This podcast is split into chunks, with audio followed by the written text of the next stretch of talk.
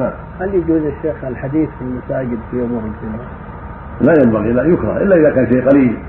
وإذا حديث الدنيا تكون في في البيوت والمجالس أما المساجد تقال عن هذا إلا شيء يسير.